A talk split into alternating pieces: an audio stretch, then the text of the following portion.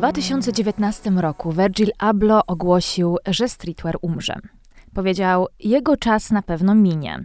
I choć bardzo szybko wycofał się z tych słów, dziś e, jest wiele osób, które faktycznie uważają, że streetwear umarł. A jeżeli nie umarł, to przeszedł bardzo znaczącą przemianę.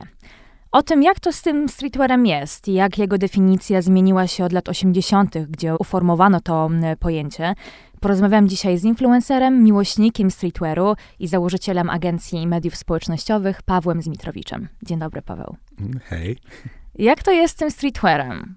Bo to jest, e, rozmawialiśmy tutaj jeszcze przed rozpoczęciem nagrania, że to jest tak ogromne pojęcie i tak pojemne pojęcie, że ciężko tak naprawdę objąć je słowami i, i ciężko w ogóle e, tak zdefiniować je chyba dzisiaj, prawda? Wydaje mi się, że to jest na tyle płynne, tak jak powiedziałaś, że ciężko jednoznacznie dać definicję tego streetwearu. Oczywiście znajdziemy w internecie mega dużo różnych sformułowań, czym mm. to mhm. może być, że jest to e, moda codzienna, e, dużo różnych opcji, ale wydaje mi się, że od momentu powstania pierwszej definicji streetwearu do streetwearu, jaki teraz znamy, zadziało się tyle ciekawych i przewrotnych, powiedziałbym, rzeczy, e, że to pojęcie mega ewoluowało. Mhm. Ja cię postawię teraz e, w trochę problematycznej e, pozycji. E, mianowicie zapytam, czy Virgil miał rację, czy nie, mówiąc, że stripter umrze? Czy przewidział jego śmierć, czy się mylił? Wydaje mi się, że w pewnym sensie miał rację, ponieważ streetwear, jaki do tej pory znaliśmy, wydaje mi się, że umarł, ale narodził się w zupełnie innej formie. Czyli przeszedł reinkarnację. W pewnym sensie tak. E, ja właśnie czytałam sporo, e, sporo bardzo ciekawych e, publikacji pisanych przez osoby, które streetwearem się profesjonalnie zajmują. I, I to, co te publikacje mają wspólnego, to teza mówiąca o tym, że taki największy problem, no jeśli problem to dobre słowo, e, największy case ze streetwearem i, i, i, tym, jak on wygląda dziś, jest to, że został trochę wchłonięty przez modę, bo zauważmy, że streetwear początkowo funkcjonował trochę jako nurt outsiderski, bo on był bardzo związany z subkulturami, o tym zaraz też naszym słuchaczom opowiemy, ale dziś stał się częścią mody. Jakby rzadko mówi się o streetwearze jako o takim osobnym bycie bo coraz więcej marek luksusowych proponuje te streetwearowe, ja tutaj robię taki cudzysłów w powietrzu, e, e, propozycje i, i coraz rzadziej dokonuje się tego takiego rozgraniczenia. Streetwear stał się modą i to bardzo luksusową. Może to jest bardziej kwestia tego, że streetwear jakby zmienił samo podejście do mody, mhm. a nie do końca jej kształt. Mhm. Na pewno tak jak zresztą mieliśmy okazję chwilę porozmawiać wcześniej, e, zmienił model, w jakim podawana jest nam dzisiaj moda. E, więc można by uznać, że był taką iskierką, która wpadła w ten wir modowy i trochę namieszała. Mhm. E, I może mm, rzeczywiście delikatnie została wchłonięta. E, tylko pytanie, czy to nie było trochę tak, jak z kroplą barwnika, którą dodajemy do jedzenia, że niby jest to mała kropelka, ale w momencie, kiedy już ją zamieszamy, potrafi zmienić całkowicie barwę i formę rzeczy, do której ją wrzuciliśmy. Mhm. No tak, masz, masz sporo racji, bo y, rozmawiamy o tym, że streetwear y, uległ ogromnej transformacji, ale za sprawą streetwearu ogromnej transformacji uległa także moda i, i cały ten modowy establishment, w który streetwear tak naprawdę e, godził. E, głównie też za sprawą wspomnianego Virgila. On był raczej takim, taką postacią, która mm, zaproponowała coś, co swego czasu my, dziennikarze mody, lubiliśmy opisywać jako luksus z ulicy. E, czyli trochę zmerdżował ten streetwear z modą luksusową, e, zaproponował coś, co początkowo było nazywane elevated streetwear, a potem po prostu stało się modą luksusową wycenianą na, na bardzo wysokie kwoty. Wydaje mi się, że może to był trochę case tego, że ten streetwear mm, był pewnego rodzaju w swojej oryginalnej formie luksusem dostępnym dla każdego. To mhm. możemy nawet wytłumaczyć trochę na zasadzie e, chyba dalej hypowanych Nike'ów, Dunk czy, czy Jordanów. Ich cena nie jest zastraszająca, nie jest zaporowa, a jednak wciąż są towarem luksusowym ze względu na dropowość mhm. e, ich sprzedaży. Więc wydaje mi się, że to był ten luksus, który trochę mm, spłaszczał kategorię, e, może nie kategorię, a bardziej warstwy ludzi. To znaczy, dostęp do tego samego dobra był jednakowy dla tych, którzy mieli pieniądze i dla tych, którzy mieli ich troszeczkę mniej. E, więc teraz. E, Czyli wprowadzał pewnego rodzaju egalitaryzm, który modzie luksusowi był obcy. Dokładnie tak, właśnie o to mi chodziło. Mm-hmm. No, no tak, bo y, faktycznie, jeśli, jeśli można wskazać rzeczy, których um, streetwear nauczył modę luksusową, to na pewno, na pewno ta dropowość, która wyrasta też z takiej strategii niedostępności. E, i która też łączy się z tą demokratyzacją i z tym egalitaryzmem, no bo e, bardzo się cieszę, że poruszyłeś ten temat, że faktycznie marki streetwearowe proponowały rzeczy, które cenowo były o wiele bardziej atrakcyjne od dóbr takich luksusowych w tradycyjnym rozumieniu tego słowa, ale były produkowane w bardzo limitowanych ilościach. Więc ten luksus leżał trochę w innym miejscu, nie On leżał w cenie, a... leżał w tym miejscu po prostu jak wcześniej wstaniesz, żeby stanąć w kolejce pod butikiem Supreme na Dokładnie przykład. Tak. I jak sobie rozstawisz krzesełko i wygodnie przeczekasz całą noc, aż otworzą butik. To właśnie był fenomen chyba tej marki, że tak. szybciej znalazłeś butik Supreme tak. po kolejce stojącej do niego niż po samym logo, mm -hmm. które jest wywieszone przed sklepem. Tak. No i nawet jak dzisiaj się spojrzy z perspektywy czasu, to te pojęcia na początku bardzo ściśle związane ze streetwearem, czyli hype, o którego już użyłeś, i drop, e, którego także użyłeś, to są już terminy, których używa się e, w stosunku do, do marek luksusowych, do marek o wieloletniej tradycji i, i z tak zwanego nurtu high fashion. Tak, wydaje mi się, że to też chyba nadużyłam słowa, wydaje mi się. E, generalnie Wydaje mi się, że. To my spekulujemy. Tutaj nie, nie podajemy suchych faktów. To jest, to jest rozmowa wyrosła na czystych spekulacjach, więc y, może ci się wydawać. Myślę, że duży wpływ e, na to miały współprace, które możemy obserwować już od niemal 10 lat, e, gdzie marki typowo streetwearowe e, łączą swoje siły i budują dropowe kolekcje razem z markami high fashion, e, czy też wprowadzenie streetwearowców jako dyrektorów kreatywnych do marek high fashion, jak chociażby Virgila do Louis Vuitton. Myślę, że to był właśnie ten mały ignite, który wprowadził streetwear do mody wysokiej, wprowadził ten system dropowości, trochę system kolekcji limitowanych. E, tak. Mm-hmm.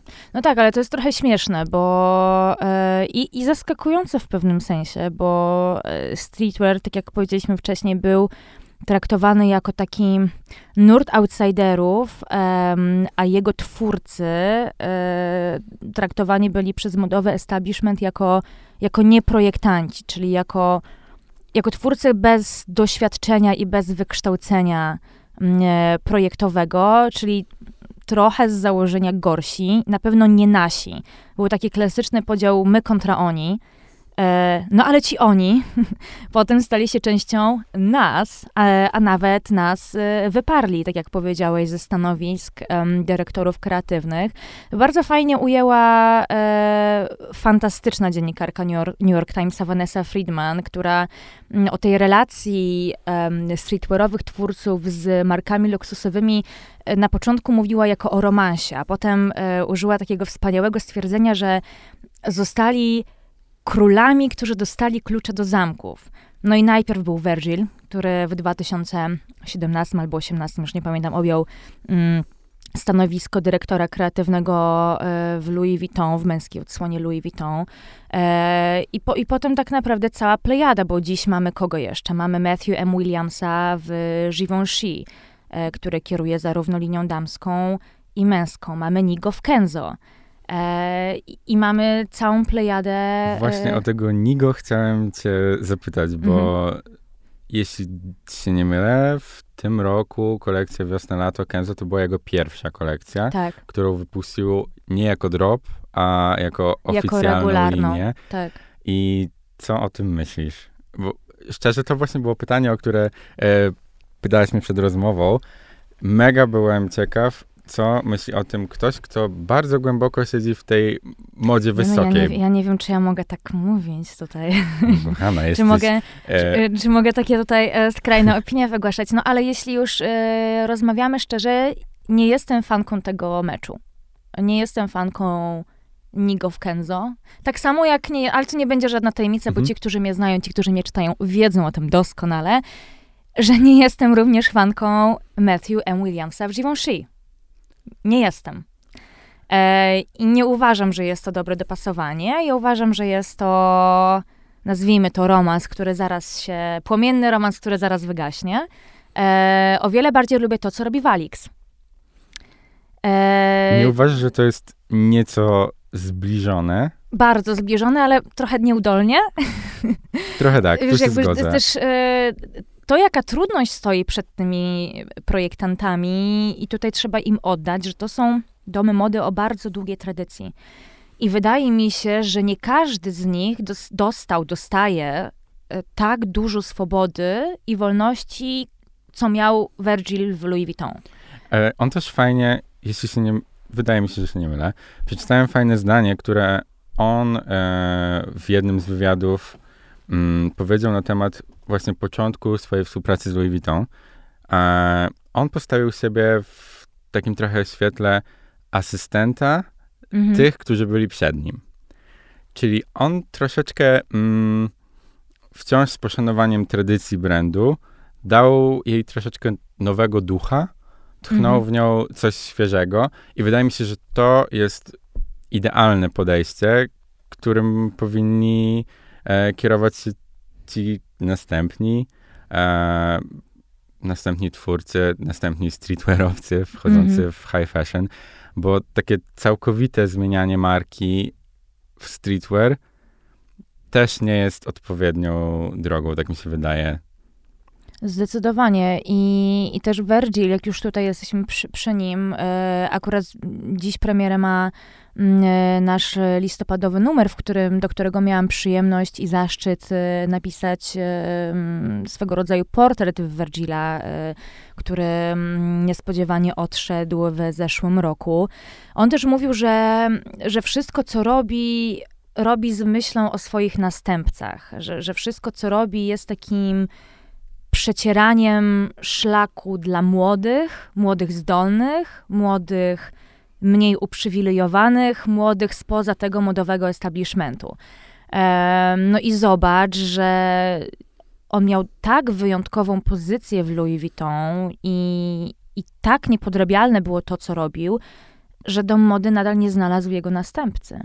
Tam cały czas pojawiają się jakieś kandydatury, e, głównie dziewczyny, co jest też bardzo e, bardzo fajne, ale nadal nie znaleziono następcy. Tutaj hmm, pociągnę cię za język przy jednej rzeczy. Otóż powiedziałeś, że szukają teraz głównie, nie, nie że szukają, cofnijmy, e, że wśród kandydatów na jego następców są głównie dziewczyny. Mhm. I właśnie tą kwestię chciałbym poruszyć, bo nie wiem, czy zauważyłaś, ale w tej streetwearowej modzie wszystko kręci się wokół chłopaków. Czy nie brakuje ci tam jednego mocnego damskiego nazwiska, który trochę e, przerzuci te szale menswearu, który jakkolwiek króluje w streetwearze, bo jednak nie oszukujmy się, większość modeli e, jest bardzo mm, wychodząca z menswearu, wchodząca mm teraz oczywiście w unisex, no tak. bo każdy nosi to, co chce. E, ale mi osobiście brakuje takiego damskiego odpowiednika czy Virgila, czy, czy założyciela Supreme. Jest jedyne nazwisko, które mi przychodzi tak od razu do głowy, to jest Jon Ambush. E, chyba taka jedyna mm, damska postać, która jakoś ciągnie ten streetwear, e, ale, ale faktycznie No to będę może... moja ulubiona marka, jeśli chodzi tak? o streetwear w tym O, momencie. No widzisz, e, nie no, faktycznie uważam, że, że ona jest e, super uzdolniona i, i ma świetną wizję. Natomiast e, ja tak zobaczyłam na grono kandydatek, kan, kandydatów, kandydatek na, na zastąpienie Virgila w Louis Vuitton, to były dyrektorki kreatywne lub założycielki autorskich marek, które proponują ten menswear w nowej odsłonie i on faktycznie w jakiś sposób wyrasta ze streetwearu, ale nie jest streetwearowy w takim typowym znaczeniu tego słowa. To jest raczej taki eklektyczny miks różnych inspiracji i motywów, bo mamy trochę i mody retro, mamy trochę właśnie tego streetwearu, mamy trochę athleisure, mamy trochę elegancji. Mówię tutaj o e, Grace Wells Bonner, która też zrobiła świetną kolekcję dla Adidasa niedawno. Widziałem. Mm, odświeżyła chyba model Samba to był i to też, też była kolekcja ubrań. Mm, Notabene ten moment, model teraz jest sold out wszędzie, Wszędzie. nawet w tym klasycznym wydaniu. Nawet w klasycznym Tak. wydaniu, który kto e, kupił kilka lat temu jaki, jako po prostu Teraz wygodny model, teraz cieszy. na pewno się cieszy i może gdzieś e, sprzedaje za, nie wiem, kilkakrotność wartości. E, I kto jeszcze? Martin Rose e, i Emily Bott. To są, to są dziewczyny, które nie robią streetwearu w ogóle. E, ale te ich projekty można zakwalifikować do takiego nurtu, który zaciera granice pomiędzy motywami, które były jeszcze do niedawna bardzo łatwe do wyodrębnienia, a teraz stanowią taką, wiesz, wypadkową różnych inspiracji, e, czyli coś, co w sumie można było powiedzieć o tym, co, co Virgil robił w, w Louis. To, to było takie eklektyczne. Kto chciał widzieć tam streetwear, widział streetwear, a kto chciał widzieć tam modę high fashion, widział high fashion. To prawda, masz rację. Więc może o to chodzi w tym streetwearze e, nowej generacji, tak to nazwijmy, o streetwearze 2.0. E, może faktycznie o to chodzi, że, że kto będzie chciał zobaczyć w nim motywy nawiązujące do tego oryginalnego streetwearu z lat y, 80. czy 90., zobaczy je, a kto będzie upatrywał tam nowego oblicza mody luksusowej, też je ujrzy. Może o to w tym chodzi. I znowu powracamy do tego egalitaryzmu, że coś dla każdego. Jak sądzisz jako, jako fan streetwearu? Chyba, że to nadinterpretuję. Wiesz co, wydaje mi się, że myśl jest jak najbardziej trafna. Mm, generalnie chyba ideą streetwearu jest to, żeby tworzyć taki punkt, który zrzesza ludzi w pewną społeczność. E, od tego też to wyszło, czyli No od subkultur, czyli konkretnych społeczności, których łączyła jedna idea, Pasja. Dokładnie. E, tak jak wspominałaś na samym początku, to zaczęło się od e, hip-hopowców, skate'ów, Surferów. surferów, dokładnie. Więc to były bardzo zdefiniowane grupy. E, ale mm, case był, wydaje mi się, taki, że ta moda wychodziła od konsumentów, a Mhm. nie od e, ściśle zamkniętej grupy ludzi, która narzucała konsumentom to, co jest fajne, a co nie jest fajne. Aha. E, No to bardzo ciekawe, co mówisz. No tak, w sumie racja, bo konsumenci, czyli w tym wypadku skateci, surferzy, hip-hopowcy, byli wiedzieli, i byli inspiracją do powstawania tych kolekcji, no bo przypomnijmy, że Sean Stassi, założyciel jednej z pierwszych i najważniejszych streetwearowych marek w latach 80., zaczynał od sprzedawania inspirowanych surferami E, dokładnie, t-shirtów z logo z bagażnika ciężarówki. E, potem mamy 94 rok, z James Jebbia otwiera pierwszy butik Supreme, e, też stworzony głównie z myślą mm, o, o deskorol, deskorolkarzach, Skaterach. skaterach, skate'ach. Chciałam tak użyć ładnego polskiego słowa, no ale wiadomo, polski język, trudny język. Em, ale tak, i, i to ewoluowało, jak, jak każdy zresztą nurt wywodzący się od pewnych subkultur. W pewnym momencie już nie trzeba było jeździć na desce, żeby nosić te ciuchy i żeby pożądać tych ciuchów, ale zobacz, to samo w latach 80. było z punkiem. Coś, co wyrosło też z, z garderoby tworzonej z myślą o przedstawicielach e, tego nurtu, nagle ewoluowało do, do rozmiarów ogromnych i nie trzeba było nawet słuchać punk rocka, żeby nosić te ciuchy. No dziś jakby spotykamy osoby, które noszą, noszą punkowe ubrania, a, a w życiu nie, nie, słucha, nie słyszały żadnej punk rockowej piosenki. I tak samo jest ze streetwearem. bo wszystko sprowadza się do pewnego pożądania, które kiedyś kreował establishment, a dziś kreują no, głównie media społecznościowe i tak zwani liderzy opinii. A nie wiem, czy się ze mną zgodzisz, że streetwearowe marki, streetwearowi twórcy, którzy właśnie wyrośli z kreowania tego dropu i z kreowania tej takiej strategii niedostępności, w mediach społecznościowych czują się najlepiej. Zgadzam się. I tu też zauważyłem trochę mm, trend, który przejawia się nie tylko w, w modzie czy w streetwearze. Mhm. E, rozmawialiśmy wcześniej o tym, że mm, ta luksusowość streetwearu wyrosła, wyrosła z tego, że był dostępny dla każdego, ale w limitowanej, e, w limitowanej ilości. I wydaje mi się, że ten punkt dostępny dla każdego jest czymś, co w tym momencie mm, widzimy w każdej możliwej dziedzinie życia, też w social media. Stąd też fenomen TikToka, mhm. który wyrósł z tego, że mogliśmy tam znaleźć normalnych ludzi, e, normalne, normalne, może mm, niewypicowane wideo jak na Instagramie, taki żywy content. Mhm. E, dlatego też wydaje mi się, że twórcy streetwearowi, twórcy instagramowi, którzy no, głównie pokazują streetwear w tym momencie, e, są tak bardzo lubiani, szanowani, obserwowani, lajkowani, e, ponieważ każdy przeciętny człowiek może się z nimi utożsamić. Może pójść po te parę dresów, te szerokie jeansy, jeśli nie z tej konkretnej marki, to ma masę marek streetwearowych, które robią bardzo podobne rzeczy. Mm -hmm. e, więc może ta dostępność była kluczem do, do sukcesu.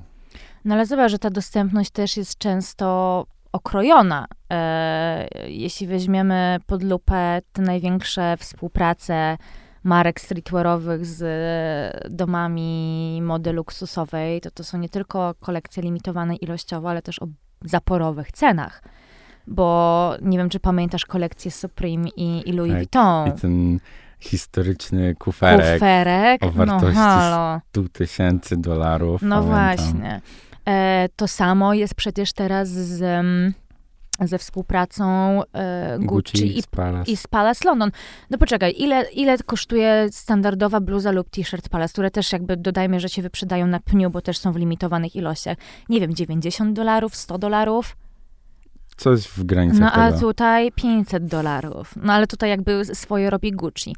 Z drugiej strony, że zobacz, że mamy całe teraz, całą generację e, marek z takiego właśnie pogranicza streetwearu, normcore'u i ready to wear, e, które cenami dorównują tym markom luksusowym. I tutaj się przyczepię fantastycznej marki z Nowego Jorku, czyli A Million Door e, która dzięki dyrektorowi kreatywnemu Tediemu Stantisowi, który też sprawuje stanowisko dyrektora kreatywnego w New Balance, mm, no po prostu nabrała jakiegoś ogromnego kształtu i cenowego wymiaru, takiego, no powiedziałabym, top of the top.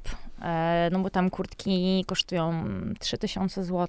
No to są już takie ceny, powiedzmy. Ale myślisz, że to jest aspiracja tych marek streetwearowych do, do tych high fashion, czy po prostu mm, to trochę wynika z tego, że ludzie, którzy wcześniej kupowali marki luksusowe, mogli sobie na to pozwolić, mieli na to pieniądze. E, jeśli dostali to, co mieli mm, w opcji bardziej dla każdego, mhm. tylko w swoim dawnym wydaniu, czyli w tej zaporowej cenie, od marek, które nosili kiedyś, które nosiły ich mamy, babcie, e, dziadkowie itp. E, bardziej kierują się ku temu, co znają tylko w nowym wydaniu, czy, czy gdzie tutaj. E... Wydaje mi się, że, że, że odpowiedzi trzeba szukać w nagromadzeniu wielu czynników. E, moim zdaniem przede wszystkim to jest oznaka tego, że, że moda wchłonęła streetwear albo streetwear wchłonął modę, w sensie, że, że one się zatarły, wiesz co mi chodzi? Czyli jakby wracamy do punktu wyjścia, e, wracamy do tego, od czego tę rozmowę zaczęliśmy, e, do tego, że kultura hypu cały czas jest mocna i cały czas dyktuje zakupowe trendy i kreuje potrzeby, kreuje zachcianki, bo często jakby te zakupy są wynikiem zachcianek i tego, że okej, okay, jest na to hype. E, przyczepię się tych, tych e, adidasów, które akurat nie są nie są e, butami o cenie zaporowej, bo kosztują kilkaset złotych, czyli tyle, ile normalny model. Ale zobacz, że wiele osób, które, które nawet nie zna historii tego modelu i które pewnie nie zwróciłoby na niego uwagi w normalnych warunkach, dziś bardzo, bardzo chce tego, bardzo chce mieć te buty, bo widzi je wszędzie. Więc tu być może też sprowadzamy się do tego, co jest nam dobrze znane, co mają inni. My bardzo lubimy patrzeć na siebie z perspektywy e, tego, co mają inni, co robią inni, jak inni wyglądają. Więc e, no tak robimy zakupy, tak pożądamy różnych rzeczy i zarówno marki streetwearowe, jak i marki luksusowe wydaje mi się, że to wykorzystują.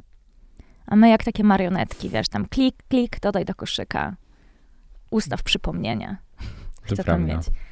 Więc, yy, więc wydaje mi się, że, że jakby wniosek z tego jest taki, że mm, streetwear nie umarł, ma się dobrze, ale wygląda zupełnie inaczej niż na samym początku. Niż na samym początku. Ale no, moda nie zna próżni, w modzie wszystko ewoluuje i, i tak było w tym przypadku. I jedyne, co mnie cieszy, to to, że z tego nurtu outsiderskiego stał się nurtem traktowanym na równi z innymi, że, że nie ma takiego poczucia, że o, ty jesteś projektantem streetwearowym. Nie, nie jesteś projektantem, nie masz, nie masz prawa siebie nazywać projektantem. A właśnie, nie uważasz, że ten streetwear trochę otworzył modę wszystkim? Wcześniej też znowu wrócę do, ty, do tego przełomowego chyba momentu, czyli współpracy Supreme z Louis Vuitton. Mm. E, wcześniej trochę wyglądało to w ten sposób, że te high marki, tak jak mówiłem, były bardzo zamknięte, więc nie było zbyt wiele mm, indywidualistów, którzy tworzyli swoje marki i mogły się, mogli się nimi wybić, że tak powiem. Mm -hmm. A streetwear dał taką możliwość właśnie mm, tworzenia tysiąca różnych marek, które były jednakowo, wydaje mi się, poważane w tej branży. E, I przez to, że właśnie ten streetwear się trochę zmerdżował, że tak powiem, z, z high fashion, mamy coraz więcej młodych projektantów, mm. którzy nie czują takiego glass ceiling trochę, e, jeśli chodzi o, o ten sektor i nawet po, możemy popatrzeć na polską młodzież, że tak powiem, z ASP, ile osób naprawdę tworzy świetne rzeczy, które noszą ludzie nie tylko w Polsce, ale za granicą. E, wydaje mi się, że kiedyś byłoby to totalnie nie do pomyślenia, jeśli nie, e, nie przejdziesz miliona staży u największych projektantów. Mm -hmm nie masz opcji zaistnienia poza tymi brandami. Na pewno, na pewno dodał takim osobom skrzydeł, dodał odwagi. E, wspomniałeś o szklanym suficie i to też jakby uważa się Virgila za, za osobę, która przebiła ten szklany sufit i i utorowała drogę mm, młodym, zdolnym spoza tego modowego establishmentu. Bo jest wielu projektantów, którzy nie mają formalnego mm, wykształcenia projektowego, modowego. Nie wiem, chociażby Miurcia Prada, która studiowała nauki polityczne. Nie jest no tak. projektantką z wykształcenia. Wiadomo, że wychowywała się w rodzinie, w której moda była bardzo obecna i która jakby zarabiała na modzie, ale formalnego wykształcenia projektowego nie ma. Raf Simons także teraz zresztą razem tworzą markę. Um, ale faktycznie tutaj streetwear jakby najpierw zaproszenie go do tego świata mody wysokiej, a później połączenie się tych dwóch e, światów na pewno dodało skrzydeł i zachęciło młodych i, i, stworzyło dla nich też o wiele więcej możliwości niż kiedyś. No i też tutaj trzeba oddać, e, oddać dużo mediom społecznościowym, bo one też są taką co byśmy złego na te media społecznościowe nie mówili, mają, mają oczywiście dużo wad i, i dużo za uszami, e, ale faktycznie są taką, są taką platformą, są takim ruchomym, wirtualnym portfolio i, i każdy ma tam równe szanse. I to jest wspaniałe. Bo każdy może tam znaleźć, każdy odbiorca może tam znaleźć kogoś, z kim może się utożsamić, czego wcześniej e, próżno było nam, wydaje mi się, szukać w magazynach, czy, czy w, nawet w telewizji. W mhm. większości postaci telewizyjne były bardzo kreowane, bardzo fikcyjne, że tak powiem, a tu jednak mamy dostęp teoretycznie do ludzi takich jak my, mhm. do ludzi w większości e, nie wyidealizowanych, mhm. takich, którzy też mają problemy. Takich... No chociaż z tym idealizowaniem na Instagramie... Zależy, a, kogo obserwujemy Polemizowałabym, tak, tak, ale właśnie, e... wszystko zależy od tego, kogo obserwujemy i... Ale wydaje mi się właśnie, że ten Instagram, czy media społecznościowe mm, też są niesamowicie złączone z, ze streetwearem, e, z uwagi na to też, o czym rozmawialiśmy w naszej super krótkiej rozmowie e, prze, przed nagraniem, e, czyli trochę wyparły klasyczny model podawania mody, mhm. w którym mieliśmy forecasterów, którzy szukali trendów, e, projektantów, którzy projektowali, wyznaczali swój artystyczny kierunek konkretnym, e, konkretnym elementom tej mody. Później mieliśmy bajerów, którzy wybierali ubrania, które później konsumenci mogli kupić. E, no i finalnie oczywiście magazyny modowe, które troszeczkę narzucały nam, co jest fajne, a co mm. już nie jest fajne. E, streetwear trochę to wszystko ominął i poszedł bezpośrednio do konsumenta. Mm-hmm. Właśnie przez te media społecznościowe, przez twórców, którzy sami byli konsumentami. Więc teoretycznie mm, cała idea polegała na tym, że konsument stworzył coś dla konsumenta. Tylko nie mówmy, że magazyny mody są już niepotrzebne, bo, w bo żadnym wypadku bardzo. nie chcę, ale, nie, żartuję, tak żartuję, ale faktycznie, czytam, ale faktycznie te, te przekazy też uległy zmianie, szczególnie te publikowane w internecie, bo tak naprawdę równie dużymi liderami opinii są styliści, analitycy mody, co influencerzy i projektanci, więc y, znowu powracamy do tego pojęcia egalitaryzmu, którego w modzie do niedawna jeszcze brakło, które jeszcze nie rozwinęło, uważam, w pełni skrzydeł. Wydaje mi się, że branża pod tym względem ma jeszcze dużo do zrobienia, ale zmierza w dobrym kierunku. E, I może właśnie dzięki streetwearowi, jeśli możemy możemy jakieś zasługi tutaj e, zapisać temu nurtowi, to na pewno jest, e, jest zapoznanie tego modowego establishmentu z, z takim pojęciem równości. Um. Trochę otwarcie go na młode pokolenie, bo w sumie nie przytoczyliśmy tego, ale odbiorcami streetwearu są głównie osoby około 18-25, tak do 30 bym powiedział, teraz w momencie takiej Czyli młodsi milenialsi i zoomersi. Dokładnie tak. Czyli te osoby, do których zazwyczaj marki luksusowe nie targetowały swoich produktów. A to pory. błąd. A to błąd, bo jak wskazują badania, to jest jedna z najlepszych grup konsumenckich. Najwierniejsza, dysponująca być może najbardziej licznymi środkami na zakup tej mody luksusowej, więc... E, Chyba to jest jeszcze ten etap w życiu, kiedy chcemy wszystkim coś pokazać, mm -hmm. coś udowodnić, troszeczkę e, się popisać. Mm -hmm. e, dlatego no, marki luksusowe I wyrazić są... siebie poprzez, e, poprzez strój. Dokładnie tak. Więc dobrze, że, że marki luksusowe zauważyły, zauważyły to, potencjał bo w tej zauważyły potencjał, no bo koniec końców one najlepiej też e, na tym wyjdą. I wszyscy będą szczęśliwi. Dziękuję ci bardzo. Dzięki.